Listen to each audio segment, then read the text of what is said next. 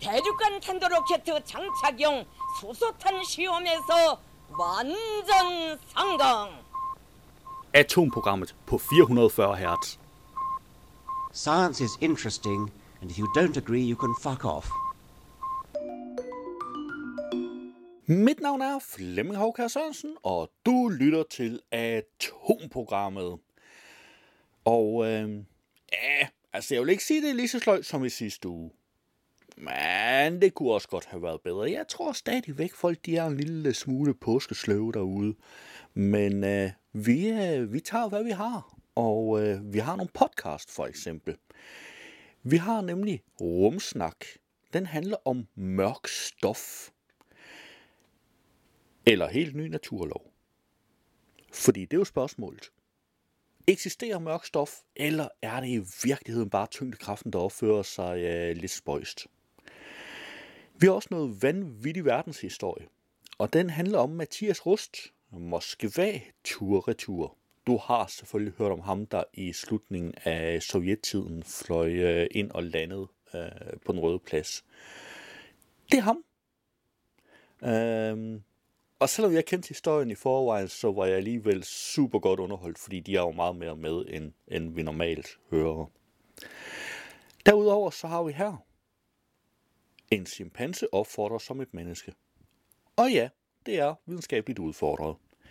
Hvem kunne det næsten ellers være? Og øh, hvis vi så ser på Science Stories, så kaster vi os frodende over Quantum Computing in a Water Drop. Yes, det handler om kvantecomputere den her gang. Men øh, jeg har faktisk også nogle nyheder med. Og lad os lige få fundet enden af nyhederne. Sådan der. Statens Serum Institut advarer mod stigende resistens. Derfor, nej, danskere dør, fordi medicinen ikke længere virker. Vi har også her vanvidsmission vil til ny planet. Og, øh, og ugens nyhed. Lydets hastighed for første gang målt på Mars. Og øh, jeg kan godt røbe nu, at den er en lille smule langsommere end på jorden. Uh, mit bedste bud uh, er, at det har noget at gøre med tætheden af atmosfæren. Jeg synes ikke, det står i artiklen, men det kan også være, det gør, og jeg bare ligesom uh, har, har fortrængt, at det står der. Nå, vi har også her københavnske forskere springer ind i debatten om at genopleve mammuten. Ja, og øh, Pella på rumfarten. Kokkeskubber grænser for, hvad vi kommer til at spise i rummet. Og jeg ved ikke, om det skal udtales Pella, eller Pala, eller... Det ved jeg ikke. Det mest naturlige for mig, når jeg ser AE sammen, det er at udtale det E. Så øh, ja, jeg håber ikke, det er alt for forkert, og hvis det er, det vil næppe være første gang i programmets historie, vel? Uh, hvad har vi mere? Top hemmelig regeringsdata afslører et interstellart objekt brændte igennem atmosfæren i 2014. Og den her. Helt ny stjerneeksplosion. Mød mikronovaen. Og nej, mikronovaen er ikke en lille udgave af supernovaen. Vi har øh, også her kæmpemæssigt fingeraftryk deler Mars på midten. Og det er faktisk nyhederne for den her gang. Så runder vi selvfølgelig det hele af med NASA's ugenlige nyhedsopdatering This Week at NASA. Lad os kaste et hurtigt blik på, hvilke podcasts, der er dukket op i løbet af ugen. I denne uge er der en ny udgave af historiekomedy-podcasten Vanvittig Verdenshistorie. Nej, men Peter, jeg har en historie med til den dag. Yes. Og jeg bliver nødt til at deklarere på forhånd. Øh, fordi øh, jeg er nødt til at fortælle dig, at dagens historie, den øh, handler om, at vi endnu en gang skal øh, up under the skies. Okay. Vi skal snakke om fly igen. Okay. Og, Så er det som om, Nå, så kom flytrilogien efter, du var færdig med postvæsenet. og der kan jeg godt lide, der var også et overlap med noget post og noget, Og noget fly. Og noget fly. Det glider over hinanden. Hvem havde troet, at det var sådan en form for Marvel-agtig teaser jeg er jo faktisk for, sådan, for, hvad der kommer senere? jeg er en form for langstrakt podcast DJ, der ligesom bare emnemæssigt sådan glider ind og ud af Ja. hinanden. Så det er nemmest uh, vanvittig vingehistorie, vi er ude i der. um, ej, men vi skal, vi skal snakke om en, en, en historie, der foregår på, på vingerne. Og det, det er jo fordi, der er, et eller andet, der er jo altid et eller andet fucked up med flyvemaskiner, og det resulterer så bare i, at de ender i vores podcast. Og sådan det er bare. men dagens historie har også lidt et moderne twist, i og med, at den, øh, den her historie af nogen bliver betragtet som en af de sidste søm i kisten i forhold til at få Sovjetunionen til at gå i opløsning. Okay. Så det er der, vi skal hen. Øh, fordi den resulterer simpelthen i et øh, sindssygt stort integritetstab for den øverste ledelse over i, i Øst. Vi skal tilbage til, til maj måned 1987, øh, hvor der sådan lidt ligesom i dag er sådan lidt, øh, lidt dårlig stemning rundt omkring i Europa. Okay. Det var et lille klip af vanvittig verdenshistorie. Du kan finde et link i show notes. I denne uge er der en ny udgave af Videnskabeligt Udfordret. Hvordan tror du, han testede deres reflekser og deres reaktionsevne? Jeg tænkte, man hammer på knæet. Han øh, tog Donald og satte ham ned i en sådan babystol. Mm-hmm. Og så øh, tog han Guar og satte i en stol ved siden af, tilsvarende. Og så tog han en revolver og fyrede den af to meter bag hovedet på dem. Nej, hvad? Og det er der også video af. Stop! Du ser bare den her lille, det her spædbarn, og den her baby chimpanse. Og så den her fucking Winthrop i hans hvide skjorte, der tager en fucking revolver og fyrer af lige bag hovedet på dem, ned i græsplænen. Det var et lille klip af Videnskabeligt Udfordret. Du kan finde et link i show notes. I denne uge har vi også en ny udgave af Rumsnak. Velkommen til Rumsnak, hvor vi dengang vender tilbage til forskningen. Ja, det gør vi. Det bliver en tung, men spændende episode, hvor vi har talt med Mads Fransen fra Syddansk Universitet om mørkt stof. Ja, for Mads og hans team arbejder nemlig med at prøve at forstå mørk stof ved øh, blandt andet at arbejde med partikelfysik, men også måske at kigge på den her nye forståelse af tyngdekraften, det der hedder Modified Gravity. Så glæder jeg til at høre vores snak med ham. Vi skal dog også have et par, eller nu siger jeg et par, en god håndfuld øh, aktuelle rumnyheder, og så selvfølgelig et baggrund om øh, mørkt stof, og det er alt sammen lige her i Rumsnak. Jeg hedder Anders Høgh Nissen. Og jeg hedder Tina Ibsen. Velkommen til. Det var et kort klip fra Rumsnak, og du kan naturligvis finde et link i show notes. I denne uge er der også en ny udgave af Science Stories podcasten. Charles Marcus, you are one of the leading professors at the Niels Bohr Institute working with quantum technology.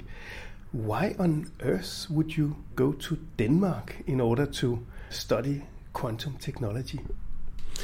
Well, I, I would say that I came to Denmark um, because these days it doesn't really matter where you study quantum technology because it's an international activity. So it's a kind of a question of where you put your feet down on the ground. But my interactions with people and uh, the literature and uh, colleagues is, is international. Det var en lille bid af Science Stories, og du kan naturligvis finde et link i show notes. Det var et overblik over ugens podcasts.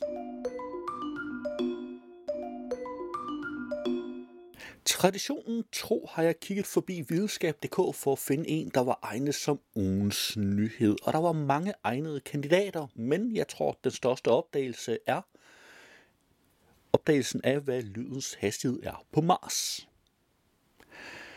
Lydens hastighed for første gang målt på Mars. Har du set Aliens-filmen? Ved du, at i rummet kan ingen høre dig skrige, men på Mars kan man godt. Mars-roveren Perseverance har udført et forsøg for at finde ud af, hvor hurtigt lyd bevæger sig på den røde planet. Ved at skyde med en højpræcisionslaser, der ikke siger piu piu, men mere en knipselyd mod en sten og derefter måle forsinkelsen af lyden fra gnisten på stenen, har Mars-forskere fundet ud af, at lyden bevæger sig med 240 meter i sekundet på Mars. Det er betydeligt langsommere end i jordens atmosfære, hvor lyd har en hastighed på 340 meter i sekundet. Selvom eksperimentet i princippet er simpelt, er det imponerende, hvor meget man har fået ud af den relativt lille mængde information, forsøget har kastet af sig. Det mener Morten Bo Madsen, der er lektor i astrofysik og planetforskning ved Niels Bohr Instituttet, og som i øvrigt selv har en finger med i flere af apparaterne på Perseverance. Jeg har som ung været slagteriarbejder, hvor jeg stod og skar nyere, fedtforklæde og brystvorterne af grise, hvilket er bare for at understrege, at næsten intet af dyret gik til spilde. Man er gået til det her med mindst den samme grundighed, og det er faktisk utroligt, hvor meget de får ud af dataene, fortæller han til videnskab.dk. Morten Bo Madsen har blandt andet været med til at udvikle og levere dele af Supercam-instrumentet, hvis sensor- og kameradel sidder på toppen af Perseverance. Det er det instrument på roveren, der har udført lydeksperimentet. Fordi Mars' atmosfære består af en del mere koldioxid, har et andet lufttryk og har væsentligt anderledes temperaturer end jordens, bevæger lyd sig på en anden måde på Mars, end den gør herhjemme. Udover lydens hastighed på Mars, har forskerne fundet ud af, at lave frekvenser bevæger sig langsommere end høje frekvenser i Mars' atmosfære, i det at lyd over 400 Hz bevæger sig 10 meter i sekundet hurtigere hvilket som forskerne noterer, giver en helt unik høreoplevelse på den globale planet. Og så er der en henvisning til faktaboksen, og hvis du klikker på linket i show notes, så har du også mulighed for at se faktaboksen. Høje frekvenser er desuden mere dæmpet end de lave frekvenser, hvilket betyder, at hvis du havde en samtale på Mars med en person nogle få meter væk, ville det lyde som om de snakkede gennem en væg, fortæller en af forskerne til magasinet Physics. Særligt høje frekvenser er påvirket af lufttryk, og studiet viste således også, at der er centimeter store og meget hurtige varierende forskelle i lufttrykket, fortæller Morten Bo Madsen og tilføjer, at det dog ikke er noget, man ville mærke, hvis man stod der. Forskerne har også fundet ud af, at de modeller, der skulle forudsige, hvordan forskellige frekvenser opfører sig på Mars, faktisk ikke er helt nøjagtige og skal revideres. Dertil bemærker Morten Bo Madsen, verificerer studiet, at temperatur spiller en afgørende rolle for lydens hastighed på Mars. Resultaterne af forsøgene er publiceret kun et år efter, at lyd for første gang blev optaget på en anden planet end Jorden. De tidlige optagelser, som også blev lavet på Mars, blev foretaget af en dansk produceret mikrofon, der ligeledes sidder på Perseverance, men er en anden end den, man her har brugt. Siden da er mikrofonerne på Perseverance roveren blevet benyttet i et utal af sammenhænge, fortæller Morten Bo Madsen. Blandt andet har man skudt lasere mod områder af planetens overflade og brugt lydoptagelserne derfra til at vurdere, om belægningen på de undersøgte klipper var hård eller blød. Og faktisk er artiklen en del længere end det her. Der er dog lige en enkelt ting, jeg vil pointere, nemlig at hvis du stod udenfor og havde en samtale på Mars, og dermed vil opleve forskellen i, øh, i øh, hastigheden af de høje frekvenser og de lave frekvenser, så vil det give dig en ret underlig oplevelse. For eksempel oplevelsen af at blive kvalt og kogt. Øh, det har noget at gøre med, at du ikke kan ånde i Mars' atmosfære. Og hvis vi øh, ligesom forestiller os et øh, et opholdsområde, så vil man der have en atmosfære med et tryk og en temperatur og en sammensætning, der minder om den, vi er vant til, og derfor vil lyden i for eksempel øh, et beboelsesmodul opføre sig på samme måde som på jorden. Lyden er ikke afgjort af tyngdekraften, men af lufttryk og temperatur og, som der vil så stå, luftsammensætning. Så øh, nej, du vil aldrig komme til at opleve det andet end meget kortvarigt, og du vil sikkert ikke være i stand til at koncentrere dig om oplevelsen, fordi du havde travlt med at dø. Nå, Men øh, smut ind forbi linket i show notes, og så øh, kaste blik på artiklen. Den var som sagt noget længere end det her, og der var også en faktaboks, der kunne være interessant, ligesom der er links til yderligere relevante artikler i denne sammenhæng.